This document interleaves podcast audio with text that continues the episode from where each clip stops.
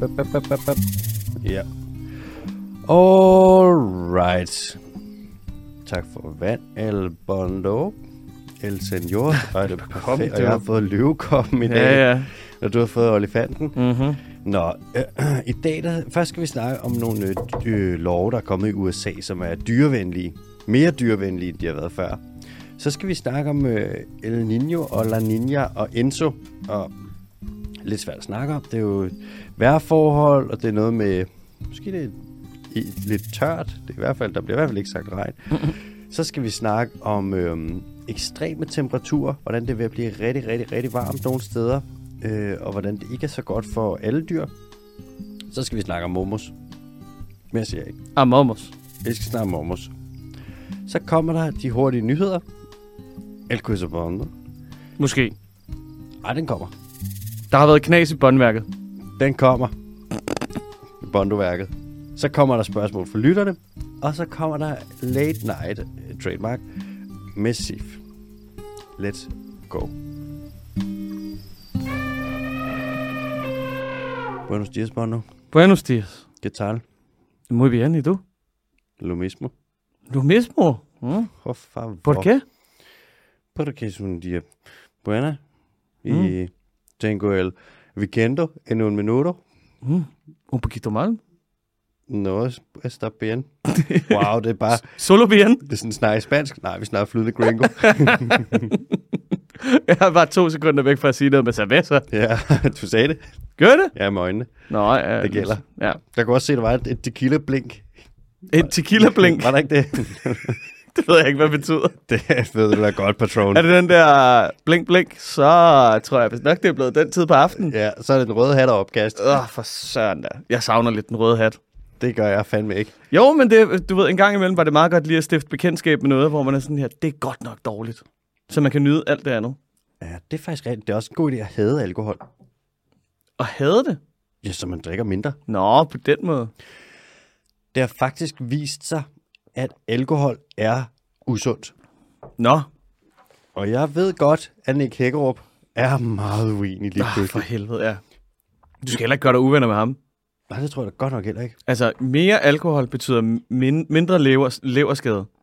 Mere alkohol er mere frihed. Det er det. Det har han jo altid sagt. Det er også fedt at drikke det der fedtopløsende stof, du ved, ikke? Det har vi jo ikke brug for på jernbakken. Altså, det- din, det kan godt være, at din hjerne er en stor fedtklump. Ja, ja. Men lidt opløsning hister her, det er jo bare, altså, Bare husk at spise din C-vitamin. Eller lad være. Det er op til dig. igen, jeg ved ikke, om det er Lars Borg Mathisen eller Niels Hækkerup, men jeg har hørt en sige det der. Nej, han er ellers bare... Han er på, han er på hopler. Ja. Det er egentlig sindssygt nok, at øh, vi har vi har jo fået nogle, nogle små kommentarer på, på TikTok over, at øh, Maja Villersen havde været på besøg. Ja. Hvor at, øh, de skriver, hun er skrubskør, og så er man sådan, ja, lad os da hellere lytte til højrefløjen, hvor at, øh, du ved, re- relativt basale biologiske fænomener som menstruation bliver sammenlignet med det at gå rundt og skide i bukserne. Lad os da lytte til ham. Det er sjovt. Lige meget hvad for et synspunkt du har, ikke? Mm. så er der nogen, der vil mene, du er skrubskør. ja. Hvis du er, selv hvis du er ultra på midten, og det du mener, det er det nærmest mest neutrale af alting, så er der nogen, der vil være sådan, er du, har du fuldstændig tabt sutten? Du kan jo bare se, hvordan det går med radikale hvert år. Det er det. Du, er, altså, du kan ikke vinde. Nej. De er alle, der er nogen, der vil mene, at alle er skøre. Ja. Der er, heller ikke, der er heller ikke noget værre, end at skulle indrømme på en eller anden måde, at altså, to modstridende synspunkter kan eksistere på samme tid. Præcis. Det er det værste. Jeg har da også personligt, jeg er da selv, det har du sikkert også prøvet at være et- under angreb. PT efter at have gået, du har gået lidt efter trålfiskeriet. Ja, Sådan, det skulle du aldrig have gjort. Nå, jeg, er sådan, jeg tror ikke, det er en god idé at pløje havbunden over det hele og mm. dræbe alt livet. Så skal du se, mand. Så var, det var også lidt provokerende. Jeg skriver, Så bliver der kastet med sprede trål. ja. Bifangst? Ja, Ja, ja. Nej, ja. du mener fangst. Ja. Så øh, skrev jeg et, et debatindlæg til Nordsjøposten, Mm. som er en avis oppe i, øh, vist nok i Nordjylland, hvor der er, det er sådan en rigtig fiskeravis. Ja. Og så skriver jeg et debatindlæg, hvor jeg kritiserer trål. Mm. Jeg tænker sådan, det skal jo ud til dem, der tråler mest. Ja, Ja, ja. Det er ja. jo dem, der ligesom skal høre kritikken. Øh, og det skal jeg love for, de gjorde. Nå, okay. ja. Har du fået sådan en, øh, en, en, en beskedanmodning i ny og næ? Nej, jeg har fået... Der er kommet nogle, et, et modsvar, en modartikel, ja. Ja. som er... Altså basically, den første halvdel er bare et personligt angreb. Mm. Hvor at det er sådan, så er jeg biolog, så har jeg været på Mauritius, så er der en masse ting, hvor de sådan, at det, så tror jeg vist nok ikke lige, han kan udtale sig om troll ham der. Nej, Og så ellers bare, der har jeg ikke været inde og kigge, fordi det kan jeg simpelthen, det tror jeg ikke, jeg vil kunne holde. men du har heller ikke citeret nogen videnskabelige artikler i dit debatindlæg, vel? Nej, nej, nej. Nej. Men jeg har jo også bare, det er jo ikke fagligt, det er jo bare mine følelser, jeg har så skrevet om. Ja, Ja, ja, ja. ja. ja. Jeg føler, at troll er noget værre noget. har jeg skrevet. ja jeg vågnede lige op her den anden dag og tænkte, kan jeg vide, hvad der føles dårligt i dag? Hvad med græslomaskiner eller trål? Det bliver sgu trål, jeg tror, jeg føler, at der er et debatindlæg på vej ud af mine fingerspidser. tror jeg da nok. Men er du gal, hvad vil ikke se svin til? Men Mm. omvendt, der har jeg det sådan, hvis nogen sviner en til, og de ikke har noget at have det i, så er det, ikke, så er det jo sådan en pseudotilsvining. Ja, ja. Hvis ja, nu er sådan, min, en af de nære venner kommer, og er sådan, jeg kan, Det er jo, det er jo sådan Jeg en kan lide- karaktermord på en eller anden måde, ikke? ja, det er sådan et forsøg på det. Det er som om, de har sådan en snydekniv, og de prøver at stikke en ned. Kækkniv. Ja, så gør Nå, For helvede. sådan ja, ja. er det. Skal vi til det, eller hvad? Ja, det synes jeg. Vi starter med at tage øhm, til venstre på kortet. Vi tog over Atlanterhavet. Okay. Vi kigger lige ind og vinker til Azorerne. Mm. Ungdommens kilde ligger på Azorerne. Vidste du godt det? Siger hej til Østen og farvel igen. Ja. Hej, hej. Ungdomskilde ligger på Azorerne. Det var meget sådan mudret bad. Jeg har badet i dengang. Jeg var allerede på det tidspunkt. Var det også mudret, inden du badede i det? Ja, det blev mere mudret. Ja, godt. Jeg sparkede til bunden. Øhm, Du fik lige trålet med fødderne. det gør jeg nemlig. Hvis jeg kigger de lokale i øjnene, så jo her, jeg er dansk. Så øhm, Så er el problemo. Lo Siento i godsøjne. Så øhm, jeg var allerede ung, da jeg badede der. Ja. Det var i, jeg tror, jeg har været 14-15 år, så der kan jeg ikke blive mere ung. Så jeg ved ikke, om den virker. Du kan ikke blive ungere. Jeg kan ikke blive ungere. Nå, okay. Jeg var ungreste. Uh, anyways, i USA, der er de ved at indføre en masse lov, og har allerede indført nogen, som skal fremme dyrevelfærden. I Kalifornien, der har man gjort det ulovligt at lave pelsprodukter. Og man har gjort det ulovligt at sælge nye pelsprodukter. Mm. Man må gerne sælge gamle pelsprodukter. Og der er nogle pelsprodukter, som indgår i sådan noget meget gammel kultur og oprindelige folk og alt sådan noget, hvor det må de gerne stadig øh, arbejde med. Ligesom man gerne må lave valfangst nogle steder op, for eksempel nogle steder i Alaska, med nogle folk deroppe, som har gjort det i mange hundrede år. Men man må ikke lave ny pels. Du må ikke have pelsfarm, du må ikke have minkindustri og alt det der i Kalifornien fra og med 2023. Der er fire andre stater i USA, som også kigger på at ulovliggøre øh, det samme, som Kalifornien nu har ulovliggjort. Hvad fanden bilder de sig ind? Jamen, jeg tror, de prøver at være sådan noget forgangslande. Kan det have noget at gøre med, at hvis man nu ikke må sælge ny, nyproduceret pels, Mm. så bliver der ikke produceret så meget? Eller Præcis. Så prøver man at komme pelsindustrien til livs. hvad med, hvad med, hvad med biprodukter? Så lad os sige, altså er der nogen for eksempel, der bruger læder så stadig, fordi at man alligevel slagter en, en ko eller tog? Det er, det er faktisk en god pointe, for vil du, vil du kalde læder, vil du kalde det et biprodukt? At det er jo en, det er jo en, det er jo, jamen, det kommer, jamen, det kommer, jamen, det kommer an på, med hvilket formål man slagter vel, altså. Altså, hvis du har en ko, og du slagter den, og du ved, skinnet, det kan jeg sælge for x antal et eller andet. Mm. Hvordan er det så forskelligt fra en mørbræd? Ja. Jamen, det, det Det- er ikke engang løgn. Det, det er sådan- bare, du ved, jeg har bare en eller anden idé om, at man, man, man, man slagter primært på Mhm. grund af kødet, og så er man sådan, oh, hvad skal vi gøre med det der? Det er sådan en fræk, en fræk finte. Ja. Ja. Og de vil gerne have, at man tænker, kan du høre, hvad konspiratorisk jeg er? Ja. De vil gerne have. Men det er jo det, de siger sådan, nej, nej, men det er jo et øh, biprodukt. Mm. Sådan, Nå, ligesom m- mørbræd, eller hvad? Ja. Ja. Men det er faktisk, det, det, er lidt, det er lidt spøjs, når du, når, du, når du fremlægger det på den måde, fordi så kan du lynhurtigt argumentere for, at hvis du ikke må afpælse eller bruge skind, så må du heller ikke slagte, altså i bred udstrækning. Men- Selv engang til, til, til, til fødevare. Det, ja, det kan man jo selvfølgelig sige. Man kan også kalde kød et biprodukt, ja. Ja. og så var læder, det var hovedproduktet. Ja. Man kan sige, hvis det skulle være et ægte biprodukt, så må de ikke til noget for det. Okay, ja. Så man kan sige, så, er det ikke, så har de jo ikke noget in- økonomisk incitament for at lave. Nej. Og man kan sige, læder, det er jo et fint produkt. Mm. Jeg hater ikke som sådan på læder. Ligesom kød, det kan være et fint produkt, og sådan, men det skal gøres ordentligt. Mm. Og hvis man er sådan, nej, nej, det, det er et biprodukt. Det var der bare. Mm. Sådan, I har fået gode penge for det. Ved du, hvad jeg faldt over, da jeg havde slagtet en 3000 køer? Vi, vi vidste slet ikke, de havde skind. Det var en masse læder. Vi vidste slet ikke, vi lige pludselig var der bare ruskenstøvler overalt, ja, Ja, mand, ja. og vi lavede boksen. Vi havde slet ikke set det komme. En dejlig masse kernelæder, der lige faldt ud af den gode der. Hvordan, hvordan, ske- hvad skete der? og lige pludselig så havde alle bare nyt motorcykeltøj. Ja. Det kom på ingenting. Og, og, og, og. Sorry. Dem skal vi ikke lægge os ud med. Rockerne. Ja, de er for godt organiseret. Dem er jeg bange for. Jeg prøver at høre, de, de tropper op hvert forår og kører sammen og sådan noget. Ikke? Det, det skal man slet ikke begynde at fuck med. De der fiskere, de kan ikke. Altså, de kan bare de kan være sure på et, i et læserbrev. Prøv at tænk, hvis vi både fuckede med dem og lavede den dyrske team merch med rygmærker. Uha. Jeg tror lige, vi lægger den her ned Ja, nu. det tror jeg også. Øhm, der er vist nok også 13 byer i USA, som har gjort det ulovligt, det her med at sælge ny pels og producere pels. Et af dem, det er et sted, der hedder Hallandale Beach. Mm. Kan du, høre, Gode gamle. kan du høre, hvor det er? Det, jeg, jeg, har lidt, jeg har det lidt på fornemmelsen. Jeg kan se, du bliver, du smiler nu. Du smiler med øjnene. Mm. Jeg kan se det her sted, du tænker på det. Tequila blinker. Du tequila jeg kan se, bare jeg nævner det her sted. Ja. Du bliver sgu glad. Jamen, det er mo- moderlandet. Hvor er det hen? Flowrider! Det er Florida. Oh. Hvis man vil til Hallandale Beach, mm. øhm, der er, vi har en rabatkode, hvor man kan få... Ej, vi får ikke penge for at sige det her. Gå Men ind på helt seriøst, www.hallendale Beach Vacation. Den dyriske team slash sponsored by Florida. Hvad kan Hallendale? Er det en lille by? Jeg ved ikke, hvor lille den er, og jeg ved faktisk ikke, om, jeg kan aldrig rigtig finde ud af, er det, sådan, er det by, er det distrikt, er det, hvordan er det for Ja. ja. i USA? Alting er så stort og anderledes, men Det er også pisse svært, fordi du ved, sådan mellemstore byer i Danmark, ikke? Derovre, det er en flække. præcis. Hvor mange er I? 50.000? Spøjst. Og it's a flag. Så ma- det er lige så mange, der arbejder i min lokale Walmart. Ja, præcis. Ja, det er jo ikke engang løgn. Nej. Anyways, øh, man har i hvert fald gjort en masse for at stoppe det her. Og man, der er flere og flere steder, der kommer til at stoppe det med pelsindustrien nu. Og det er en trend, vi ser både i USA og også i Europa. Mm. Nu er der meget bekendt en 1920 lande i Europa, der har gjort det ulovligt at lave pelsprodukter. Og Danmark er jo selvfølgelig en af dem. Det er som om, at alle andre, de kører bare frem, de ser bare filmen. Danmark, vi har bare trykket på spol tilbage. Så er det sådan noget, ej, skal vi lige spole tilbage til det der, der var rigtig dårligt?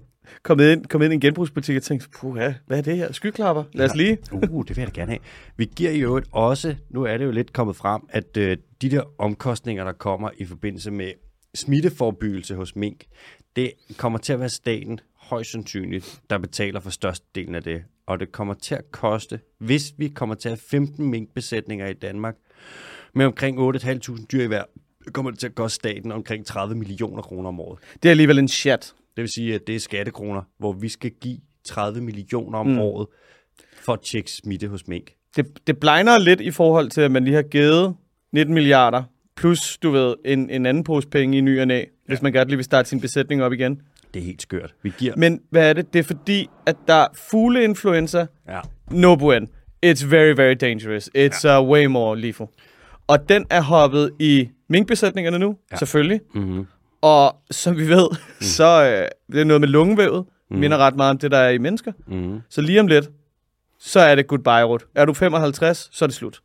Ja, jeg har hørt, det er noget med, at den er, fugleinfluenza er rigtig farlig. Ja. Det rammer fugle, det dræber mink. Det Men dræber- dødeligheden var også enormt høj, ikke? Altså i forhold til Hos, hos mennesker, corona. det tror jeg, den er. Jeg ved det faktisk ikke. Nej. Nej. Jeg synes, jeg har læst et sted, at det er sådan noget... Den er høj, Ja. men jeg er ikke sikker. Nej. Øh, den dræber sæler. Mm. Mm. Fugleinfluenza nakker sæler og søløver. Skud ud til fiskeriindustrien. Nu er der bare fucking fisk på vej. Værsgo. Det er jo også det, fjerkræindustrien i Danmark, altså vi har jo mange millioner slagtekyllinger, ja. de synes ikke, det er fedt, der kommer mink op fra Spanien nu, som måske har fugleinfluenza med, og nye strains, og det er bare smittefabrikker. Man kan sige med mink, vi giver minkavlerne, hvis du vil starte op igen, så får du 150.000 kroner, mm. og vi giver dem så de der 30 millioner om året, fordi vi skal tjekke for smitte. Mm. Vi kommer til at miste penge på det. Vi mister allerede penge på det. Det var en underskudsforretning. Vi har kan jeg mistet love dig. penge på det før. Vi, og dude, vi har lige mistet 19 milliarder på at Ja. ja. lugte. Vi mm. har... Goodbye, stor bededag. Det er altså fire store bededage. Det er det jo sikkert, er det ikke? Ja. Og vi øh, bruger 150.000 kroner per minkavl, det er også en slat penge. Mm. 30 millioner om året, det er også en slat penge. Ja. Så er der ammoniakforureningen, det skal vi også betale for. Mm. Så er der det med sundhedsrisikoen, det kan også blive rigtig dyrt. En, en pandemi, den koster mange penge. Så er der det med klimabelastningen, Det lyder som en, det lyder som en julesang. Koster bakke penge. det er en tragisk en, ikke? Og så er der selvfølgelig det med dyremishandlingen. Hvis du har et dyr, ja. Så altså alt i alt, jeg synes, jeg vil ikke lægge fingre imellem. Jeg vil mm. gerne kritisere det der med mink, der kommer tilbage til Danmark. Det er på alle parametre en ekstremt dårlig beslutning. Mm. Ekstremt dårlig. Jeg kan ikke se... hvem Meget der- kontroversielt øh, statement, du kommer med der. Ja, Jamen, det ved jeg godt. Det, der faktisk er sind... det er jo faktisk lidt kontroversielt. Altså, jeg har virkeligheden. fået kæmpe skæld ud for at sige det. Altså, jeg har fået... Men jeg forstår det ikke rigtigt. Nej. Men altså, Men det vi er sidder nok- jo også bare i vores naturrabiate hjørne og sidder og pisker en stemning op. Ja, og vi har aldrig været minkavlere. Men Nej, Nej, det man er må jo gerne, og det der med, at folk siger sådan, jamen, det er jo mit erhverv, det er jo mit levebrød. Sådan, det betyder ikke, at det er godt. Nej. Der er mange, der har lavet alt muligt, alle ting, der, alt muligt ting, der har været dårlige. Så bliver man nødt til at stoppe med det. Og så er der nogen, der må være sådan, okay, vi må lave noget andet, for det her, det er ikke så godt. Det er ikke fedt, det er nederen, det er folk, der har arbejdet med det lang tid. Men det, vi kan ikke fortsætte. Mm. Det er, altså, Nej, øv, øv. Ja, og specielt det med sundhedsrisiko nu og fugleinfluenza, det, er jo- det er ikke... øh, Det er virkelig ikke gennemtænkt. Også det med, det, er sådan, det, er det der knæfald for landbruget, ikke? Ja. Og sådan noget, vi ved godt, det er dårligt, men I får jeres vilje. Og sådan, ah. Nå, ja, undskyld. Jeg trækker os langt væk. sorry. Sådan er. Men i øh, USA, der er man også begyndt at gøre noget ved bjørnejagten. Fordi det er sådan, at øh, før i tiden, og stadig, der bruger man øh, processed foods til at lokke bjørne hen til øh, jagt. Mm. Man har blandt andet brugt øh, donuts, det er så amerikansk, man. Donuts. og hundemad, og, bjør- og baconfedt. Og baconfedt. Sådan det, ja. Baconfedt. Og nu, øh, det må man ikke mere, for det viser sig, at hvis man gør det her med bjørnene, og man lokker dem til med alt muligt, alt muligt processeret mad, så er der større tendens til, at de går i skraldespandene. Nå, okay, ja. Og der siger man så... Sjovt nok. Ja, og der har man lavet sådan en sjov øh, formulering, hvor man siger, at de bjørn, der går i skraldespandene, de har bare størst chance for, øh, risiko for at dø. Mm. Hvorfor det? Øh, fordi vi skyder dem. Ja. så er de jo ikke størst risiko for at dø. Så er Oh. de jo, det er jo en passiv. Så er, de jo størst, så er der jo størst chance for, at I skyder dem. Det er, jo, øh, det er jo den klassiske, når vi hører den der, det er en, øh, det er en menneske-bjørne-konflikt. Ja. Mest bare en menneskekonflikt, men, men bjørnene har også lige noget at sige i det, åbenbart. Ja. Og man kan sige, øh, brunbjørn, om man ved det eller ej, øh, man vil gerne undgå for tæt kontaktflade mellem dem og mennesker. Ja. Fordi øh, de opsøger ikke mennesker, som så man mener, de er ekstremt sultne. Men hvis du endelig kommer på tværs af sådan en, og ikke kommer op og slår, så dør du. Ja, Og de, altså, de dræber folk. den varper dig lige ind over tændingen, og så er du sådan, ja. Det er jo, den giver dig det smølvespark, så er du færdig. De er, og bjørne dræber folk, altså også i Europa. Der er jo i Rumænien, der mm. har de en del brunbjørn, den vist nok den største bestand i Europa. Og det er ikke unormalt, at der ryger et menneske. Nej. Fordi så er der noget udkants i et eller andet, og noget konflikt, og jagtinteresser, og så render folk rundt med deres hunde, og så kommer de om en bjørn, og så er der nogen, der er et eller andet, og et eller andet, og lige pludselig så er der Ja, nogen, så hold dog den skide hund hjemme for helvede. der... Ja, det, Hvem Hvem tager også på bjørnejagt med en hund? Jamen, det gør folk. Jamen altså, hvorfor? Og det er, en- jamen, fordi det kan være, det virker, og det er sikkert sjovt. Du kan ikke blive sur jo, altså. Nej, og det er faktisk en anden ting, der er i USA nu. Øh, det bliver også ulovligt at bruge hunden til at jage sortbjørn. Ja. Andre bjørne, færre. Ja, men jeg Den tror, brune, det... jeg Men, tror, hvis man tager hunden ud for at jage en grislig, så er du simpelthen også. Altså, send Ja, ja. ja. din hund efter et dyr på 400 kilo. Ja. Wow, hvad tror du selv? ja, også fordi, det er sådan, så track det dog selv, altså. Ja. Har Den du, har du ikke spillet Red Dead Redemption, eller hvad? Det er bare rende rundt og, ikke? du ved, ud og kaste noget bacon, og så smide nogle donuts, så skal du nok finde den. Det er det, jeg altid har sagt. Ja. Så øh, det bliver også ulovligt nu at skyde ulve, mens de har valpe. Mm. Hvilket man kan sige, det er måske fair nok. Så, men det må, det må så være sæsonbaseret, fordi du kan jo ikke gå hen og spørge en ulv. Nej. Men det er også øh, det, det, er det man kalder denning season. Ja. Når det ligesom er i deres ulvegrav og I- far valpe. I marts, do not. Ja, jeg ved, det, det er garanteret sådan noget force noget. Ja. Så kommer de ud der, og så når det hele blomstrer op og sådan noget, så får de unger, og så kan de komme ud og blive federe, så er de klar til vinteren. Mm. Øhm, man må heller ikke skyde øh, rensdyr eller caribou, mens de svømmer. Og der er sådan, har man gjort det? Har det været en ting? Men det har det åbenbart, for nu bliver det ulovligt. Sådan, Hvad er det for en underlig jeg? Og hvis du skal skyde et eller andet, og du skal hente dyret, er det så ikke lidt dumt at skyde et dyr i en flod? jo. Så bliver floden jo bare med strøm. Så skal du løbe efter strøm for at hente den. Det er lidt ligesom at du ved ikke, byde på et stykke icebergsalat, der er på vej mod Tyskland på en lastbil. Ja, bare løbe med åben mund. Sådan, så er, Hej, hej. er altid, hvorfor ikke skyde dem, mens den ikke? Anyways, det må man ikke nu. Og øhm, Det USA er så fedt. USA har en særlig lovgivning. Alle de her ting, øh, altså at bruge de her donuts og hundemad og baconfedt til at lokke bjørn til, og det her med at jage sortbjørn med hunden, og det her med at skyde ulve, mens de har valpe og ræve i øvrigt, mm. og det her med at skyde rensdyr, mens de svømmer, det har lige været ulovligt. Men da Trump kom til øh, magten, så gjorde han det lovligt igen. Så nu okay. skal man gøre det ulovligt igen. Ja. Og da han gjorde det lovligt, Trump, der var næsten alle var imod, men de mm. trumfede det bare igennem. Ellers bare i fri leg. Al miljølovgivning, det blev ophævet under Trump. Det var virkelig, og det gik Det er hurtigt. egentlig godt gået. Det var det faktisk. Ja. Det var decideret imponerende. Han har ikke... Altså, Trump har jo ikke siddet. Han er jo, manden er jo dybt ligeglad. Mm. Han har jo ikke kigget på hver enkelt forslag, men han har bare givet grønt lys til, at du øh, fjerner al, al, helt lortet. Du, jeg tror, du skyder ham en masse ting i skoene lige nu, som han ikke kunne, øh, han ikke kunne se sig selv i. Det tror jeg også. Stor dejlig mand. Det tror jeg ikke. Men det er jo lidt det der, som vi snakkede om i sidste uge. Det, er jo, det her det er jo lovgivningens udgave af Ta- af Tahiti-problematikken. Det der med, åh, oh, skal vi ikke indføre det her? Jamen, det har vi allerede gjort. Ja, nu, men nu siger jeg det. Ja, nu er den der. Du, nu er det mig, der har sagt det. Nu står det på papiret. Nu er der et koralrev, fordi ja. Ja. jeg har set det med ja. mine hvide vestlige øjne. Ja, nu, det er indført nu. Noget andet, man også gør i USA, det er, at man i højere grad begynder at gøre det ulovligt at te- teste kosmetikprodukter på dyr, mm-hmm. altså forsøgsdyr. Hvor man kan sige, nogle produkter kan du ikke lade være med at teste, medicin, modgift, alt sådan noget. Men kosmetikprodukter, altså, det er ikke fordi mennesket uddør, hvis vi kan læbestifte. Så der siger man, okay, det stopper vi simpelthen med at teste på de her dyr nu. Fordi at det er ikke fair, at vi skal have laboratoriedyr, som jo, det vil man jo gerne have så, i så lille grad som muligt, bare for at teste nogle produkter, vi godt kan undvære. Ja. Så det er det, der sker i USA. Vi hopper videre til den næste. Tak, USA. Vi hopper videre til øhm, El Niño. El Niño. El Niño, man har måske ikke hørt om det, det er sådan et vejrfænomen, som øh, kommer over stillehavet, som har, når det kommer, så kommer der øh, nogle ekstreme vejrforhold. Så ved jeg ikke, om det er tyfoner eller øh, orkaner eller hvad det hedder derovre, men det kan der komme mere af. Der kan komme mere regnfald nogle steder, mere tørke nogle steder, og det er som om øh, vejrforholdene bare ligesom bliver vendt sådan lidt på hovedet. Mm.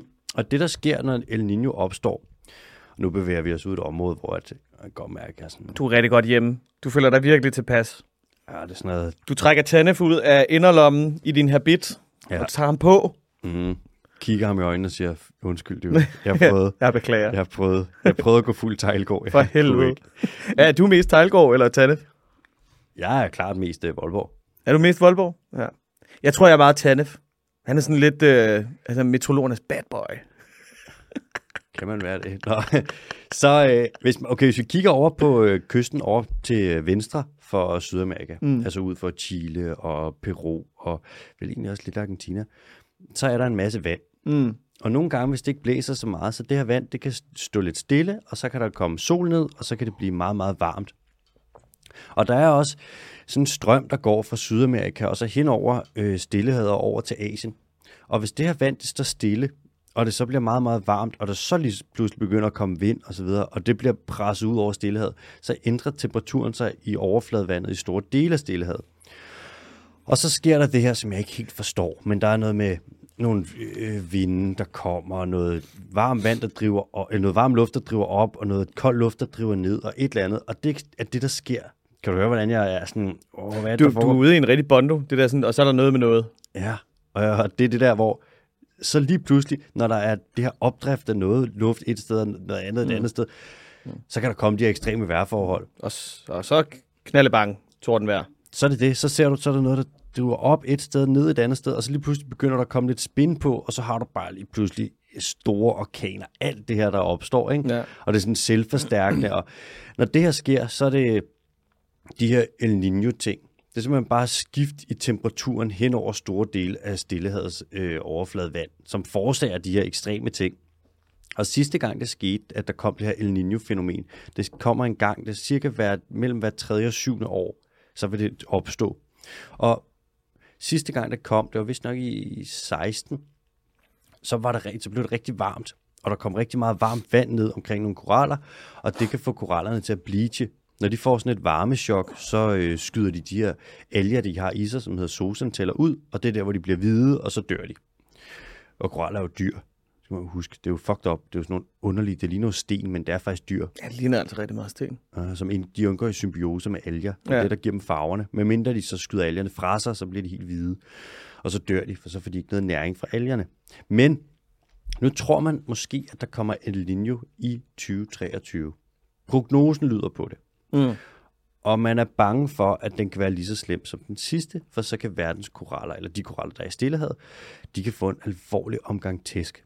Og de tæsk, de får af El Niño nu, er værre end de tæsk, de fik af El Niño, da vi ikke havde en klimakrise, Mm. for vandet er blevet varmere. Ja.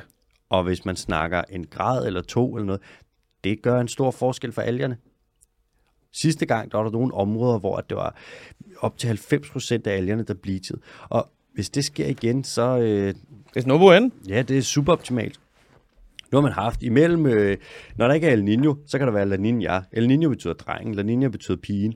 Og La Nina, det er bare det omvendte, hvor det bare er koldt vand, der kommer ud i stedet for. Og så er det de steder, hvor det vil være varmt med El Nino, der er det koldt med La Nina. Og så er der også andre vejrforhold, som kommer ud, og så det gør alle mulige ting. Så hænger det sammen med monsunen i Indien og tørken, der er i Chile. Og så er det tit, hvor man siger, ja, jamen, det er sådan der på grund af El Nino. Mm. Og det er et gigantisk vejrfænomen, som er ultra komplekst, men det kan, selvfølgelig være, eller det kan så være, at vi ser det skifte her i 2023. Jeg tror vist nok, det er over 50% chance for, at der kommer El Nino i 23. Så siger man, prognosen tyder på det. Mm. Hvorfor øh, er der, for, er der noget, der, øh, er der en lille notabene et eller andet sted om, hvorfor det hedder El Niño? Er det, er det noget religiøst eller noget rituelt? Det er man med et godt spørgsmål. Det ved jeg faktisk ikke. Cool. Badum, badum.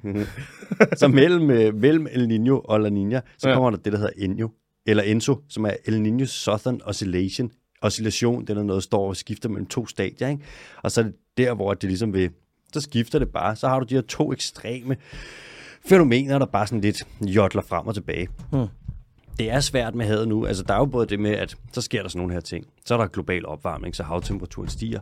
Og så er der det med øget mængde CO2 i atmosfæren, som reagerer med vandet og laver bikarbonat, mm. der forsurer havet. Så alle de dyr, der ligesom har en kalkskal, det vil sige alle krabstyr for eksempel, og mange af bløddyrene, muslinger og snegle osv., deres skal bliver bare blød, og så bliver de, er der større chance for, at de kan blive spist, fordi de har mindre forsvar. Og så kan du ligesom, ja, så kan du se sådan et, økosystem, der stille og roligt begynder at tage et skridt tættere mod kollaps, mens det hele bliver varmere, og vejrforholdene bliver mere ekstreme. Mm. Det er dejligt, ikke? Vi kan godt nå at rette op på det. Ja, vi skal bare stoppe klimakrisen. øhm, lad os blive i det spor. Ja tak.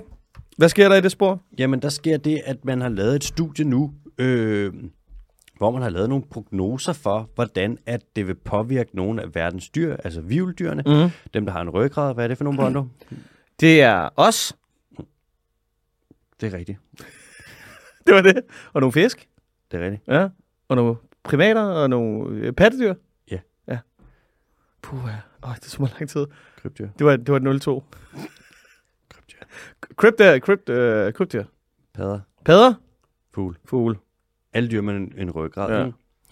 Det vi kalder vivldyr. Okay, sindssygt, at jeg kan... At jeg bliver så nervøs over... Prøv lige at nævne nogle dyregrupper, der har ryggrad. Og... Ja. Oh shit, du begynder bare at svede. Du prøver, du prøver at tequila blink. Man kan bare se, at du sidder bare, oh fuck. Åh. Nå, nu er det sådan, at øhm, hvis vi kigger på, hvordan at temperaturen stiger nu mm-hmm. Mhm. med klimakrisen, Mm. så har vi nogle forskellige øh, retninger, det kan gå i. Vi kan få rettet op på alt det, vi laver med udledninger, og så kan vi holde os under halvandengradsmålet. Så kan man se, så er det sådan en linje, der vil køre ud i fremtiden, og så vil du se temperaturstigningen hen over tid, den vil bare flade lidt ud. Mm. Og så har vi nogle andre, noget med, okay, hvis det, det, det går lidt værre, så er det sådan her og sådan her, og hvis vi så har den, der hedder business as usual, hvor ja. Ja. vi ikke ændrer noget, mm. og det er den, vi holder os ret stabil på nu, så vil der i år 2099, så vil jorden være blevet 4,4 grader varmere, end den var i 1990. Godt for Danmark. Ja, og det er jo, kan man sige, ikke optimalt. Mm. Hmm. Det er en ret høj temperaturstigning. Mm. Og vi ved det med, at hvis der kommer en super varm sommer, for eksempel, ligesom sommeren i 18, mm. så kan vi se, okay, Ja, den der med helt øh, sandbankerne nede i søerne og sådan noget, ikke? Ah, det var vanvittigt. Ja, ja præcis. Ja. Hvor det jo bare var tre måneder uden regn, ikke? Ja. og det var jo sindssygt varmt hver eneste dag. Mm. Meget Aperol. Ja, det var det. Ja, rigtig Aperol sommer. Der kunne man se ålegræsset i det ja. Ja. danske farvand. Ålegræs kan ikke lide, hvis det bliver mere end øh, 25 grader varmt. Så dør det. Mm. Og Der kan du se, når hvis det så lige er en dag, hvor et, okay, eller en uge, hvor så bliver det o- 25 grader øh, hister her, så er der noget ålegræs, der dør, men det meste er sådan, åh, jeg får lidt chok, men kommer tilbage. og Sådan, Ja. men hvis det er konsistent i lang tid, det er der, hvor så begynder det bare at dø. Mm. Så står organismerne bare af. Og hvis det bliver 4,4 grader varmt, sådan overall i gennemsnit på hele planeten, det er virkelig en stor temperaturstigning. Prøv bare at overveje en dansk sommer, som hvis det bliver 30 grader, mm. så er sådan, fuck, det er varmt. Hvad så, hvis det bliver 34,5 grader? Så er det varmt med varmt på. Nogle steder i verden, for eksempel Kalahari-ørkenen, eller øh, dele af ørkenen i Australien, eller de dele af Sahara, hvor der er en del liv, eller øh, tag Sonarørken. Alle de her steder, hvor det er så varmt, så det næsten ikke kan blive varmere, hvis der skal være liv. Mm. Hvis det lige stiger 3 eller 4 grader der, så dør det. Ja. Så vi kan se, det, er Altså, derfor, det sparsomme liv, der så endelig er. Ja. Hej, hej.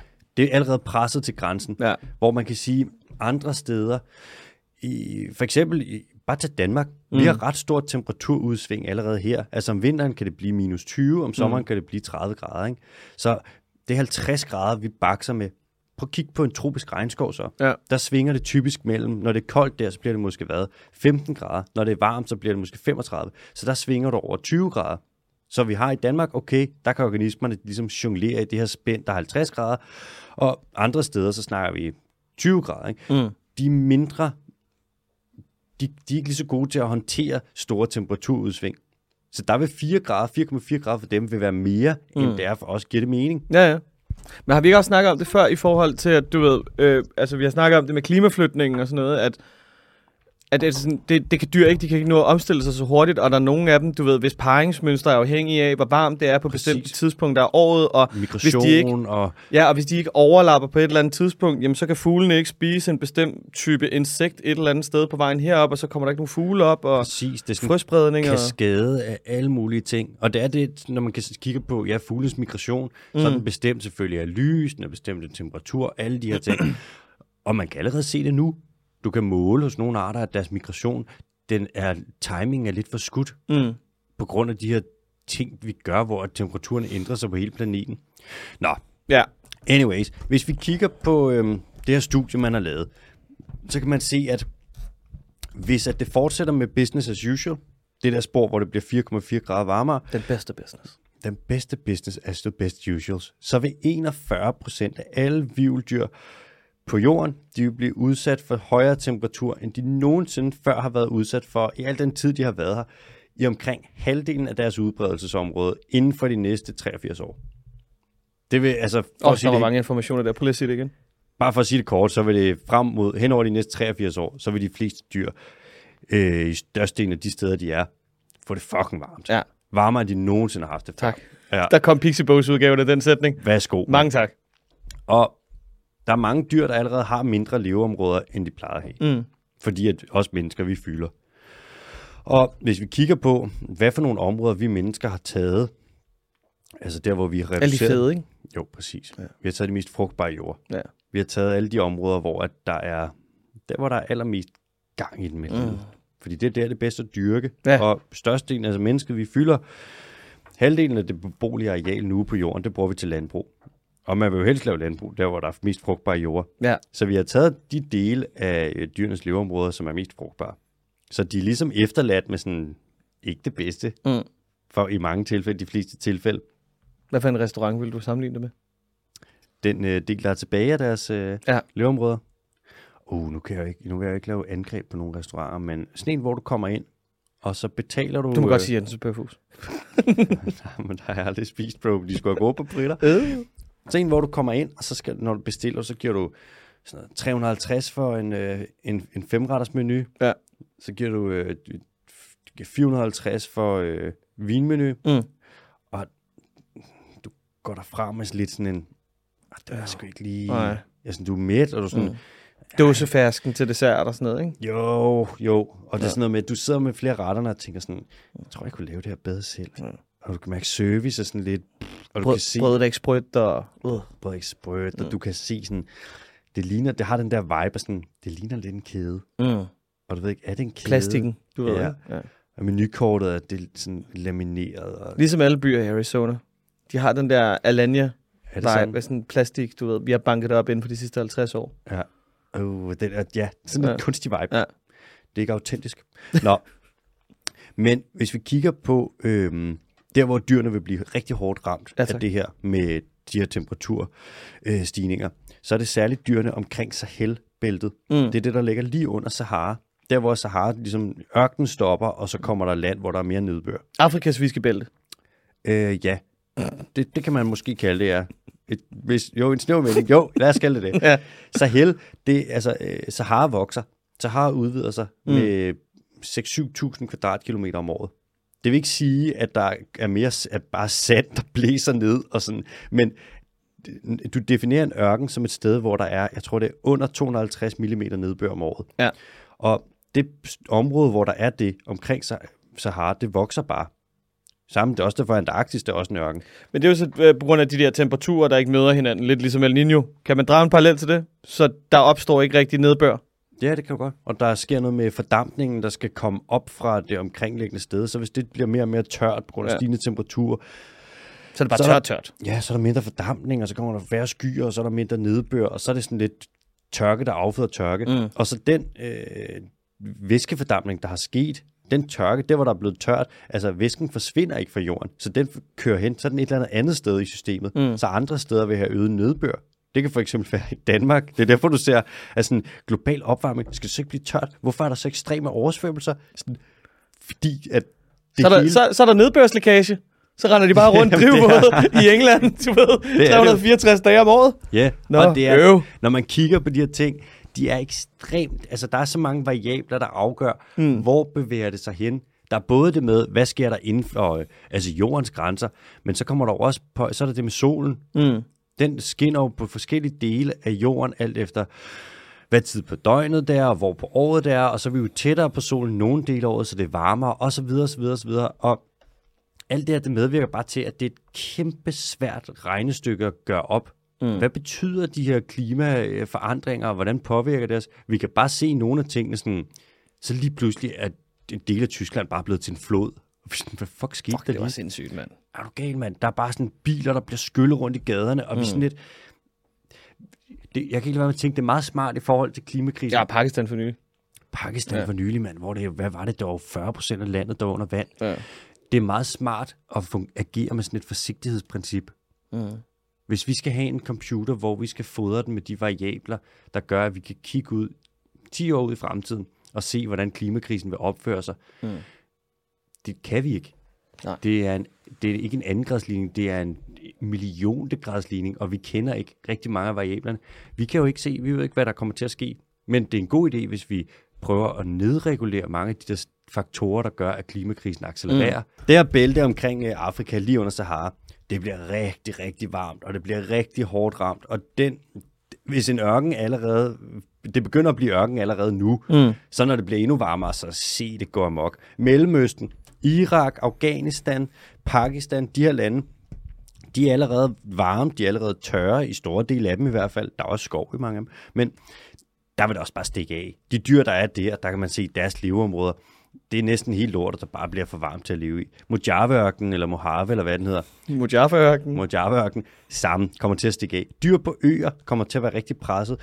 Hvis du bor på en lille ø, så er der ikke særlig mange steder, du kan flygte hen. Så de dyr, der er der, de har begrænset leveområde. Det er derfor, de tit er, hvis de har en lille bestand, så er de bare allerede der kritisk troet, fordi der skal meget lidt til, de er meget skrøbelige.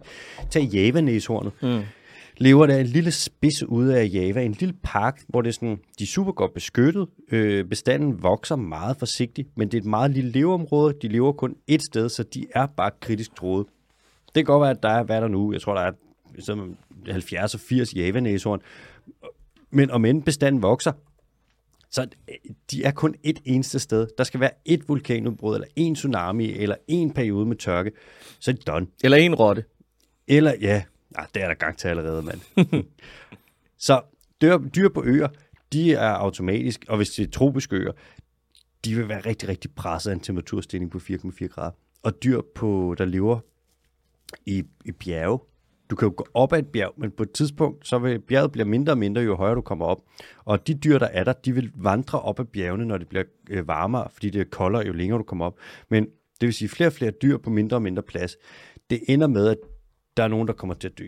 Det, be- ja, Jeg har Pixabo-sammenligningen. kom med det. Det er ligesom, hvis alle skal dele de øverste 2 cm af kransekagen nytårsaften.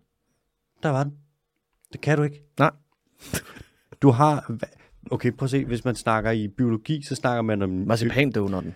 Undskyld. I biologi snakker du om marcipan. Så snakker du om økologiske nischer. Ja. sådan en, det er lommer, der kan blive udfyldt i økosystemer, hvor et, så er der øh, spætten for eksempel. Den har en niche, hvor den sidder og banker på noget træ og mærker, om der er liv derinde, og så hakker den og piller noget ud.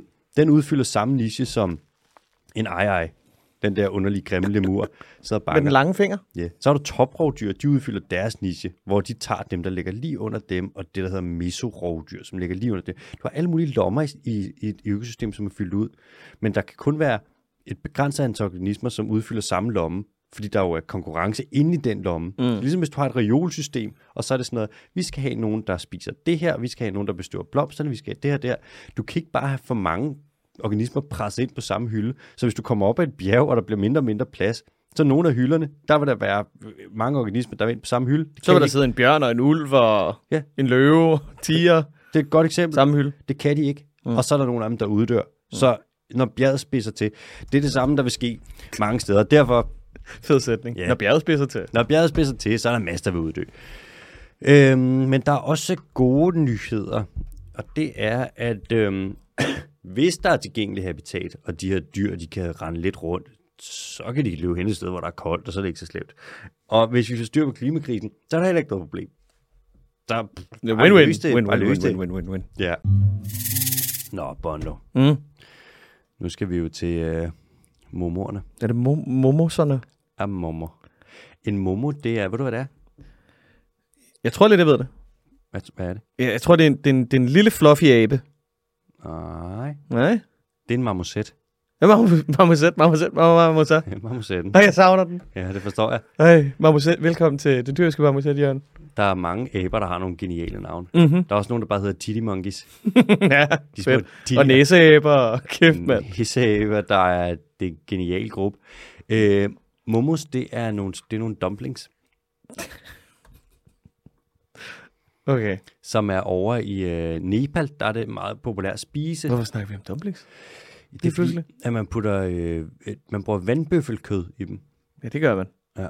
Og hvis man har vandbøffelkød fra en vandbøfler, Mm.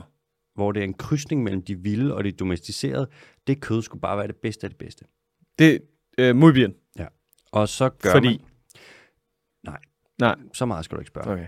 Man, tager, man tror også, at hvis du krydser en vild vandbøffel med en domesticeret vandbøffel, mm. så giver den mere, afkommet giver mere mælk. Ja. Jeg ved ikke, om der findes evidens for det. Nej. Og hvis der ikke gør, så hold kæft. Det lyder lidt som sådan noget, jeg har trukket ud af røven. Ja. Det er jo, kan man også, det er jo Vildt fakta. at domesticeret så meget, så forskellige kan det da ikke være rent genetisk, at de går ind og et eller andet piller ved Nej. hinanden, tænker jeg. Og hvis man har domesticeret dem, så har man nok også forædlet dem til at give så meget mælk som muligt. Ja. Det er i hvert fald det, vi gør i det danske landbrug, har jeg fået at vide af en eller anden reklame i Arla. Men fred være med dem. Ja. Nu gør man så det, fordi at det er så populært, når man får krydset de domesticerede med de vilde, så skal der jo være noget kontakt mellem dem, Kontaktfladen med mellem de vilde og de domesticerede vandbøfler. For helvede. De troede Ja. ja. vandbøflerne i Nepal. De mm. findes i én naturpark. Mm. Så det man gør nu, eller det folk gør, det er, at de sniger, de smuler deres vandbøfler ind, og så kommer de ind, og så sørger de lige for, at der lige er en knippeflade. Er, der, er, der, er, det sådan, er det sådan en vandbøffeltur de fis? Ja. Det er sådan en partybus med vandbøfler, der bare lige kajter ind, så Ja, ja, okay. okay. du dem lige af, Skal og de så, bare på knippeferie? så knipper de. Og så ser man, om man kan få gjort sine øh, vandbøfler gravide ja. med en vild han, og måske så har man nogle tyre med, som så kan gøre de vilde hunder gravide. Hvad er, forestil, hvad er fordelen ved det? Øh, de gør de vilde hunder gravide. Ja. Ikke nogen overhovedet. Okay. Det er ren lort. Ja. Desuden så de vilde dyr, det stresser dem jo på en mm. eller anden måde. Det gør det ikke, men det tager en del af deres energi, hvis de skal bruge tid på at rende rundt og kopulere mm. med nogle dyr, man tager ind. Det er jo nærmest bestillingsarbejde, så deres, øh, hvad siger man, vilde liv, det bliver lidt forstyrret af. Knipper på akkord. og så kommer vi ind og er sådan, ej, I skal lige arbejde lidt med det her. Mm. Øh, der kommer sygdomme, som man spreder med de domesticerede dyr, du tog ud til de vilde dyr, og så er der det her med hybridiseringen Mm. som er et problem, fordi man lidt er ved at afle vandbøflerne, de vilde af dem, i stykker. Mm. Så det er ikke en særlig god øh, ting, det her med, at man er så tosset med de her momos, hvis det er- kommer fra sådan nogle krydsede dyrs kød. Momos? Man kunne sige, det ville være bedre, hvis man bare lavede det med de domesticerede vandbøfler. Mm. Det er også en underlig ting, at et, et vildt dyr lige pludselig skal trues af, at man godt er en slags dumplings. det er meget til sådan en nichetrussel. Ja.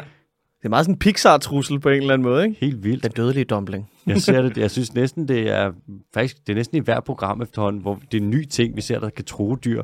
Ja, De farlige dumplings. de farlige dumplings. Momos. Ja. Ja. ja.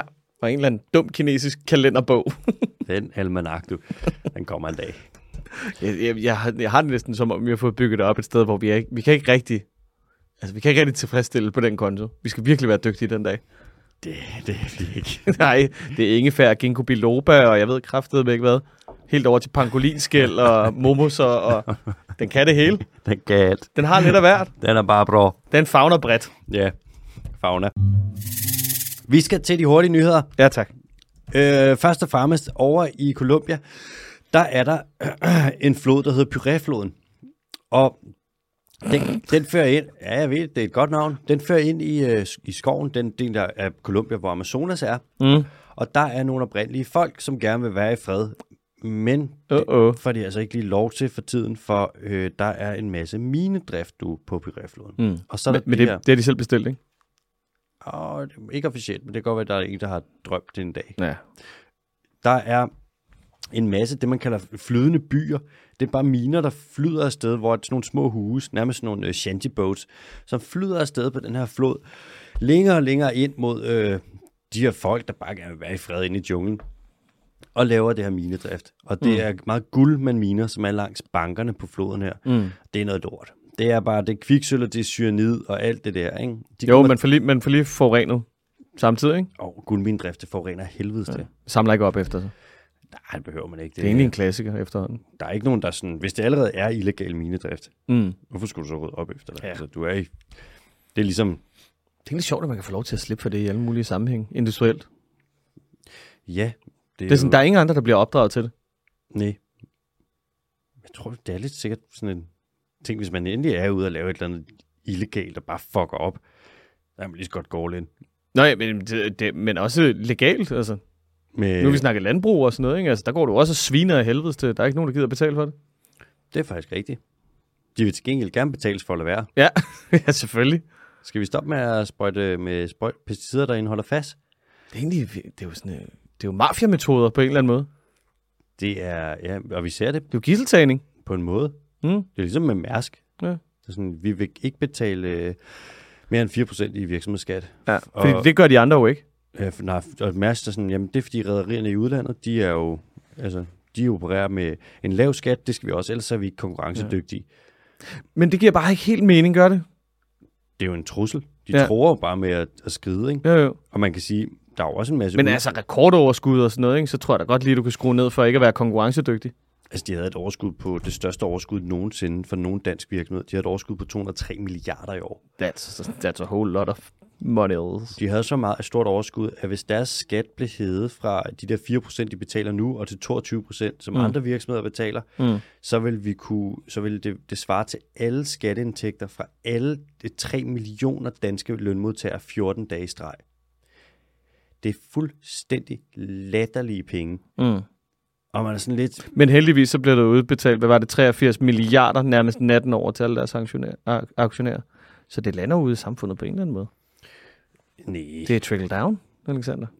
Åh oh, ja, Trickle, trickle, trickle. Don't Ja, touch vi, yeah. øh, me. velkommen til Cepos. Ja.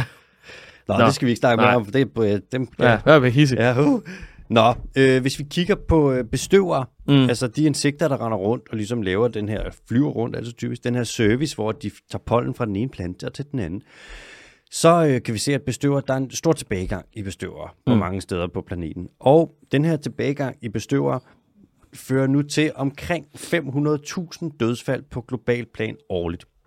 Det er så fordi, at mange af de planter, der skal bestøves, for eksempel, øh, det kan være frugttræer, det kan være nødder, det kan være alt muligt. De bliver ikke bestødt længere, mm. og så kommer der ikke de her fødevarer, som folk skal spise, så de får enten så bliver de, øh, får de ikke de, de næringsstoffer, de skal have, og ellers så dør de simpelthen bare af sult. Så det er der, vi er nu, at øh, den her ecosystem service, eller sådan økosystems tjeneste, Mm. den er simpelthen forsvundet i så stor grad, at der er en halv million mennesker, der dør af det om året. Det er ikke godt. Og så den sidste hurtige nyhed. Der er øh, fundet manuller på verdens højeste bjerg. Mm, Manuller. Manuller. Hvad er manuller? Manuller, det er øh, den mest grumpy kat i verden. Nå. Pampaskatten. Ja. Nu har man fundet lort fra dem på nogle af de bjerge, der er oppe omkring Mount Everest. nå. Der. Så man ved, der er to manuller. Man har ikke set dem, men man har fundet lort. En palaskat hedder det også. Ja. Den er bare sød. Nej, den er fandme sød. Den er Grumpy. Ja, det skal jeg da lige love for. Nå, Nå, Bondo, er du klar med en quiz? ja. Der er gået lidt problemer i, i båndværkstedet. Så, så quizzen er forsvundet på mærkværdig vis, men jeg har fundet noget andet. Kom Til med dig. det. Kom med det. det. Det er en, øh, det er en enten eller. Så nu giver jeg dig et, øh, et statement, og så skal du vælge, hvem øh, der vinder, og så finder vi ud af, hvem der vinder til sidst. Hvor mange point du får. Hvem når en topfart på 80 km i timen? Er det en har eller en hest? Hest. Det var en har. 80. Ja. Hmm, Dårlig start. Var det det? Nej, nej, okay. Hvem er hurtigst? Tiger eller løve? Tiger. Det var en løve. Det går dårligt der. det går ikke så godt.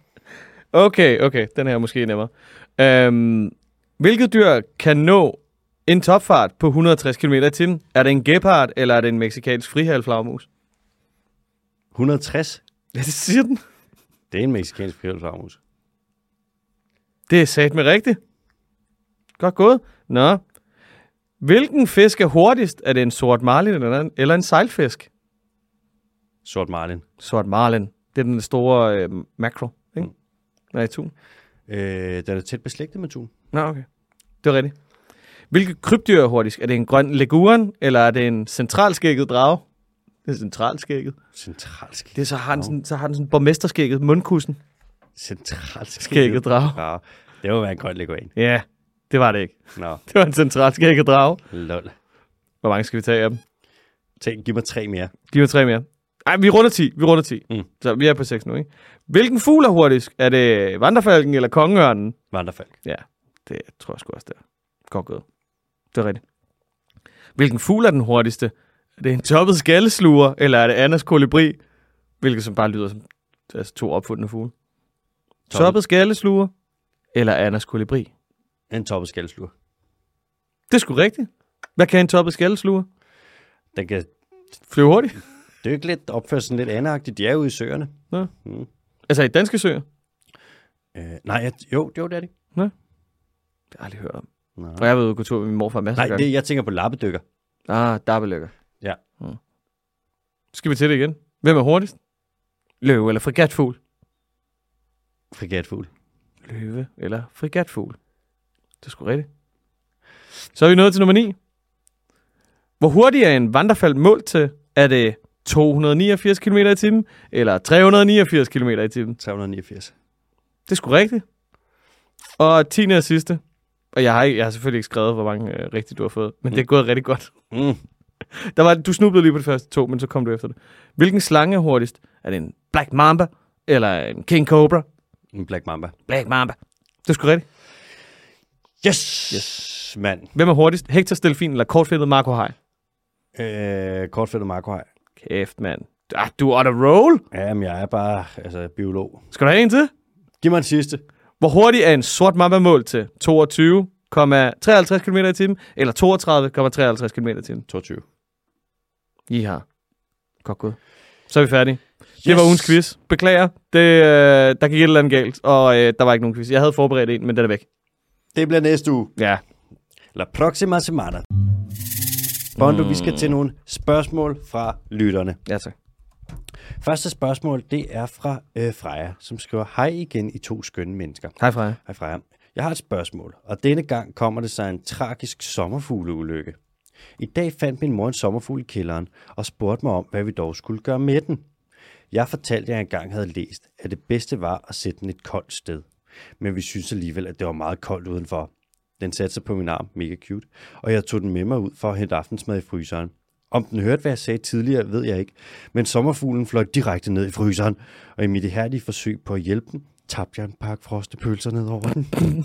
Det gjorde ondt på os begge, Døde men... pølse. men nok mest det.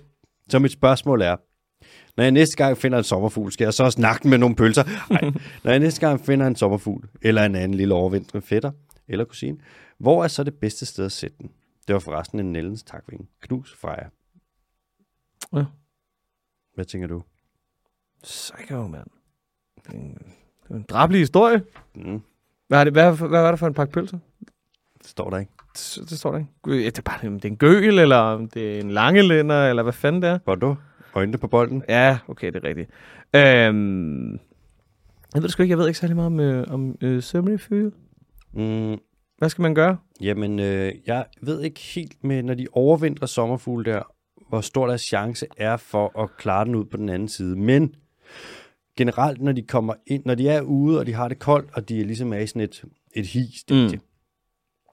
så sparer de ekstremt meget på energien. Mm. Og deres forbrænding, deres metabolisme er helt i bund, og deres lille hjerte banker nærmest ikke. Og når, man så, når de så kommer ind, og de ligesom skal være aktive igen, mm. eller at temperaturen stiger, så stiger metabolismen, og så kommer de ligesom ud af deres hi, og så begynder de at forbrænde. Mm. Og den her næring, de har, den er meget begrænset, så hvis de begynder at forbrænde af den, så er det ikke sikkert, at de har nok næring til ligesom at overleve resten af deres hi. Fordi at de jo ligger der og bare kører på, res- på reserverne. Mm. Så den dør nok, hvis den kommer hen og lige bliver varmet op og sådan. Men ja, sæt den et varmt, et koldt sted. Eller hvis den bliver ramt af halvanden kilo pølser. Det kan man dø af. Mhm. Sæt den ud i øh, brændestakken for eksempel, eller ikke et sted, hvor den bliver mast, men et sted, hvor den godt lige kan kravle lidt hen og komme ud. Ikke? Lad Nej, være med at det- sætte den ind under nogle pølser. det er det samme med, hvis du finder en flagermus, der er i. Du må aldrig nogensinde øh, vække den, eller prøve at flytte den, eller noget, fordi Lige et lille dask. den, den dør. Det er jo Nå. det, du ser, når de får white nose syndrome. Så, prøver de, og så bliver de irriteret over, at de begynder at mugne, mm. og så begynder de at flakse rundt, så brænder de energien af, og så dør de. De dør selvfølgelig også, fordi at de har svampeinfektion i ansigtet. Ikke? Men, så det vil jeg umiddelbart sige som, ja, sæt den et koldt sted, mm. hvor den får noget fred. Mm. Og hvis den bliver spist af et eller andet det sted, den sidder, så er det fint. Så bidrager den også lidt på den måde. Ja. Øh, og i øvrigt så fejrer jeg ind på øh, fuglebingo og tast den ind. Sommerfugl, der er levende om vinteren. Det giver sat med gode point. Hold da kæft. Ja, og selv Nellens takving, der er en af vores mest almindelige sommerfugl. I nogle kommuner tror jeg godt, du kan få omkring 15-20 point for den. Det er bare at slå til. Okay, okay, okay. Kæmpe lifehack. Kæmpe anbefaling derfra. Det ja. håber jeg var svar på spørgsmålet. Mm. Og øh, hvor skal jeg sige, nu hvor den er død, så vil jeg gerne komme med et forsigtigt lille ribbalade med. To sekunder stillhed, sådan der. Jeg får den ikke. Bare nu vil du ikke læse det næste op. Jo. Hej DDT. Øh, det er et spørgsmål fra Hanne. Hej DDT. Hej. Hej Hanne. Jeg har et spørgsmål fra min datter. Hun er tre år gammel, og hun er meget optaget af dyr og litteratur. Hun skal sgu nok blive til noget. Øh, kommer lige en parentes. Hun vil gerne vide, hvilket slags næsehorn Otto er. Kan I hjælpe med det? Kommer der lige en ekstra? En lille øh, Otto-beskrivelse her. Mm. Otto beskrives i teksten som et øh, stort og flot næsehorn, der havde samme gule farve som væggen. Øh, den kan godt lide at spise rugbrød og gardiner. Men hvilket næsehorn er det? KH Hanne. Det klassisk gardinspisende næsehorn. Hvad er det for net, Alexander? Mm, jamen, det er jo det. Jeg må sige, det er ikke et hvidt næsehorn. Det er ikke et sort næsehorn. Det er ikke et indisk næsehorn. Det er ikke Sumatra næsehorn. Det er ikke et uldent næsehorn. Uldent. Det er ikke et java Mm. næsehorn. Jabanæsorm. Det er altså, der er tale om en art, som ikke er beskrevet endnu. Så jeg tænker faktisk, Okay. Anna, at din datter faktisk har fundet et, en, et næsehorn, der ikke er beskrevet endnu af videnskaben. Et helt nyt, nyt, nyt, nyt, nyt. Der er simpelthen tale om en ny art. Når man finder en ny art, så må man navngive den. Det er aftalen. Ja. Og som vi har været inde på nogle gange, så er der nogle arter, som har været fundet af andre før, men der er aldrig nogen, der har navngivet dem. Der er aldrig nogen, der har beskrevet dem. Og Eller givet Dem, vestlige mennesker, der har navngivet dem. præcis. Ja, tak. Der er aldrig nogen, der har ja, beskrevet dem og givet dem latinske navn. Og det, der faktisk øh, sker her, det er jo, at I beskriver øh, næsehornet, Mm-hmm. som de, måske de første. Så din datter kan faktisk få lov til at navngive den her art. Latinsk navn, der skal være to navn. Det første kunne være, at det skal lyde øh, øh, latinsk, det kunne være rhinoceros eller øh, næsehornus eller sådan noget. Og det andet navn, det første navn det er slægtsnavnet, det andet navn det er artsnavnet, og der har man fri leg. Det skal bare inde på noget, der lyder sådan lidt latinsk. Gerne noget us. Så øh, Hanne, tillykke med det, og tillykke til øh, din datter med, at det er en meget fin ting at få lov til at beskrive et nyt pattedyr. Det sker sjældent. Prøv at tænke på at være øh, ikke, ingenlunde tre år gammel, og man har allerede øh, fundet den nye næste, det nye næste store pattedyr. Hvor er det? Der er, fandme, der er fart på hende. Det er, for, det er, ja, det er vanvittigt. Det er sindssygt. Det er virkelig, virkelig flot. Tillykke. Der skal Ja. lyde en lille klapsalve herfra. Der lyder klapper. det er en knipseklapper. All right. Og med det, der skal vi til late night segmentet med Sif. Jeg tager den. Kære Alex og Bondo. Hej Sif. Ja, du gør. Der er nyt i brevkassen, og det betyder selvfølgelig endnu et late night segment. Trademark. Mads har skrevet ind. Hej Mads. Åh, oh, hej Mads. Da han en sen sen nat med egne ord har haft en meget lang, meget ophedet og utrolig udvidende diskussion med sine venner vedrørende følgende. Hvordan kan hajer lugte blod på flere kilometers afstand? Det er jeg sikker på, at du, AH, det er mig, snilt kan svare på. Parenthes håber jeg, for det har jeg lidt lovet. Parenthes slut. Jeg vil desuden viderebringe en masse rosenord fra Mads, men jeg er ikke helt sikker på, at AH's ego kan holde til det. Passer fint til mig. Det passer ikke mig særlig godt, men mm. sådan må det være. Vi holder os for en kort stund i det marine område, i det jeg selv har et spørgsmål. Sidste mandag nævnte de, at der er ca. 18.000 sæler i Danmark. Hvordan ved man, at der er præcis 18.000 sæler? Har nogen svømmet ud og tjekket, eller hvad? Please enlighten me. Sidste spørgsmål i denne ombæring er en helt anden boldgade. Hvordan kan ingefær bare gro, selvom den ikke er i jorden eller får vand eller nogen anden form for næring? Det er jo næsten magisk. Det var alt for denne gang, og husk alle jer derude, skriv lige ind til brevkassen med alle jeres fantastiske spørgsmål. KH Late Night sektion, segmentredaktionen. Og det er jo, hvis man skal skrive ind, så er det på sif underscore late night i et ord, snabelag, den dyrske Hmm. Nå, Bondo, hvordan skal vi rulle den her ud, den her trætrins raket? Og tag det for en ende, ikke? Så start med, øh, start, start med den gode, øh, den gode hej. Mm, lad os lige tage med lugtesans først. Mm, okay, ja, så mit forslag. ja. okay. Altså, jeg har også brudt den endnu mere ned. Hvis vi kigger på, hvordan lugtesans fungerer, så har vi sådan nogle olfactory receptors, hedder det. Jeg ved ikke, hvad det hedder på dansk. Lad os kalde det lugtereceptorer, som sidder oppe i... Øh, deroppe, hvor man trækker vejret ind. Hvad hedder det, det der ligger bag næsen? Er det bihulen, eller hvad? Anyways, Det ved jeg ikke. Nå. Der sidder sådan en masse små øh, receptorer. Man kan forestille sig det som, nærmest som sådan, nogle, øh, sådan halvdelen af et puslespil. Der, hvor brikken skal passe ind. Og hvis der så kommer et eller andet ind, du lugter til noget. Du lugter for eksempel til øh, en hundelort. S- Så kommer hundelortebrikken, og den passer lige... Jeg vil sige det, som om det er sådan noget, jeg gør ofte. Jeg har set dig gøre det mange gange. Uh, så kommer der hundelorte lugte, duftemolekylerne, eller lugtemolekylerne, mm. kommer ind i din næse, og så kommer de op, og det, er så- hvis du forestiller dig det er små puslespilsbrikker, så passer de lige ind i hundelorte-receptoren. Så sender det et signal op til din hjerne, der siger, alright, vi har den her hundelortebrik, det lugter af hundelort, det må være hundelort. Så kan du kombinere det, så hvis du lugter til banan også, så kommer der sådan en banan-puslespilsbrik op i næsen på dig, ikke? så sidder den lige i bananreceptoren der. Så ser du to receptorer, der er aktiveret på samme tid. Banan og hundelort. Sender det signal op til hjernen, der siger, der lugter af banan og hundelort. Så kan man træne det og være rigtig god til at opdage, hvad for nogle receptorer, der bliver aktiveret. Hvis du for eksempel er sommelier, så lugter du til en eller anden vin og er sådan, uha, ja, det her det lugter af læder fra 1983. Det er ikke biproduktslæder, det er en del af koproduktionslæderen, kan jeg lugte. Det lugter også af tobak, kubanske cigarer, Det er den bedste. Castros tid. Uh, og så er der noget med nogle kirsebær. Det er en Chesterfield sofa. Den Chesterfield, den er brugt. Og så kan jeg lugte noget jord, som er fra det økologiske terroir. Så har du ligesom aktiveret de her receptorer. Anyways, en haj, den sniffer jo ikke luft ind i næsen, fordi at det kan den ikke under vand, så vil den få vand direkte ind i krødbollen, og det vil alle, det er ikke nice. Det, der til gengæld sker, det er, at vandet det skøjter hen over dens næse, og så sidder der nogle receptorer, som er ekstremt sensitive, og så vil der være de her forskellige komponenter i blod, som vil passe ind til mm. nogle steder, som sådan nogle små puslespilsbrikker. Det aktiverer hejens hjerne og siger, der er blod. Så kan den ligesom trace sig hen det sted, hvor at der er, så kan den følge retningen, hvor det lugter kraftigst af blod, og følge sporet af blod hen til noget bytte. Og de er ekstremt sensitive, deres ne- lugtesans er vanvittig, men og de kan godt lugte blod på flere kilometers afstand, men så skal der være rimelig meget. Det der med en dråbe blod, at de kan lugte på flere kilometer, det passer ikke. Det er meget Jaws. Ja, det er sådan, hvis der er, det kan godt være, at de kan lugte, at der er et enkelt lille, øh, st- hvad ved jeg, et eller andet molekyl, noget hemoglobin eller noget, der kommer og rammer deres næse, men at de kan trace sig hen til en enkelt dråbe blod, det kan de ikke. Det er simpelthen for lidt. Så det var det, er det. Det har jeg. De har bare en, en, en sensitiv lugtesans. Tænk på det som de der steder, hvor de her puslespilsbrikker, som er lugtstofferne, skal passe ind. Der er ikke virkelig mange steder, de kan passe ind, og en stor flade, de kan sætte sig ind på, på ha- i hajernes næse. Og så har de en sensitiv lugtesans per definition, fordi det er sådan. Så, Hvordan gik det, Bono? jamen, vi er, st- øh, jamen det gik skide godt. Det, der, alt det der med Tetris og sådan noget, det er jo lige, passer lige ned i. Skulle du lige til at sige, at jeg er stået af? Jamen, jeg stod af for længe siden. Men jeg hørte noget med Tetris, og så er jeg sådan, "Det- jeg forstår det garanteret. Du stod af i 2008. Vi er stadig i vandet, ikke? Jo, vil du ikke tage den næste?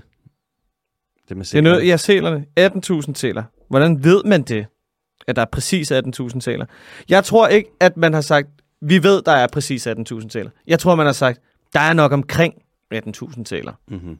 Fordi ellers så var man, så var man kommet med et eller andet. 18.000, det havde sgu været for, for perfekt, Ja. ja. hvis man lige havde været ude at tælle. Ja. Så en, to, tre. Mm. Øhm, man, jamen, ja, man regner det vel ud ved, at man f- finder nogenlunde ud af, hvor de holder til. Og så definerer man nok noget på størrelse med en fodboldbane, som er, hvor stor er Alexander? Hold kæft. Og så inden for det areal af en eller anden form for kubik, et eller andet areal, der tæller man. Og så tror jeg, man, man ganger op, simpelthen. God gamle ganger op Så med deres så levermåde. tager et område og siger, Hvor mange er der her? Der er 24. Cool. ja, man kan sige, så er der 24 per 100 kvadratmeter. Ja. Og så siger man, hvor mange kvadratmeter er de på? Ja. Mm. Så Og ganger man bare. Ja, så laver du det, du kalder det ekstrapolere. Ja. Det tror jeg også, man gør. Det er ligesom i junglen, ikke? Der er ikke nogen, der går ud og tæller alle tierne. Der er bare nogen, der siger, jeg har set fire på det her område. Mm. Der må være 17. Det. Så regner du ud. Det, det samme. Det, der Er sådan det, er, en- det, er, det, er det kedeligt som det? Jo, jo, det er sådan...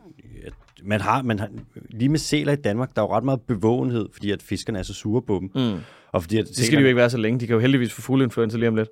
Det er Så kan skarven komme ned med noget fugleinfluenza, Ja. ja. give det til selen, og Ja. så kan de stoppe med at spise alt den torsk, som vi fisker op. Ja, al den torsk, der ikke er der mere. Mm. Men øhm, så tager man sådan en idé, et anslag. Så er der nogle sæler i Danmark. Gråsælen, den udryddede vi for nogle år siden. Så er den kommet tilbage, og så ser man, hvor mange der er. De er nemme at tælle, for de er også pisse store, men det er det. Så laver man sådan et anslag, kigger man, hvor de er henne, og hvor mange der cirka er, og så laver man bare sådan noget, ganger du bare ud, ikke? og mm. siger, "Jamen, så må det være cirka så mange. Tror jeg, Mm. det vil jeg gætte på. Tror jeg. Det er det, man gør med de fleste dyr. Ikke? Man tæller dem ikke, fordi der er så mange individer. Og du har ret. Hvis man kigger på store kattedyr, som jo er ret kryptiske, Mm. de er svære at finde. Hvis du kigger på Pantera for eksempel, den NGO, der arbejder med de store pattedyr, Pantera. eller de store øh, kattedyr. Når de kigger på jaguarer for eksempel mm. Mm. i Amazonas, så ser de sådan, okay, vi har det her område på, hvad ved jeg, en kvadratkilometer, der kan vi se, der er 0,2 jaguarer. Så tager man bare ganger op, og så siger du, den er nok i hele det her område, så må der være så og så mange. Ja. Lige så snart der er præcise tal på, hvor mange der findes, altså sådan noget, der er 124 næsehorn tilbage, så ved du, de er komplet fucked. Det er faktisk rigtigt. Der er nogle dyr, hvor man ved det. Mm. Sorte næsehorn, Ja. javanæsehorn, øh, kakapoen. Mm, jeg kunne forestille mig, der er kalifornisk kondor. ja. Der er nogle dyr, hvor man har virkelig stor bevågenhed på dem, mm. fordi de er bare helt fucked, ikke? Og så er der tal på hver eneste af dem. Ja. Kakapoen, hvis du kigger på den, hver eneste individ har navn, hver eneste individ har øh, en profil for, hvordan er, de, øh, hvordan er det deres i gods en personlighed, alle de her ting. Det er det samme med den lyserøde due, Mauritius, og der er mange eksempler, hvor man har det her. Nå, og så til det sidste spørgsmål. Hvordan kan ingefær bare gro, selvom den ikke er i jorden, eller får vand, eller nogen anden form for næring? Mm. Øh, og det kan ingefær heller ikke. Der skal være noget vand, og der skal være noget næring af nogle arter. Men der er nitrogen i luften, det skal den bruge.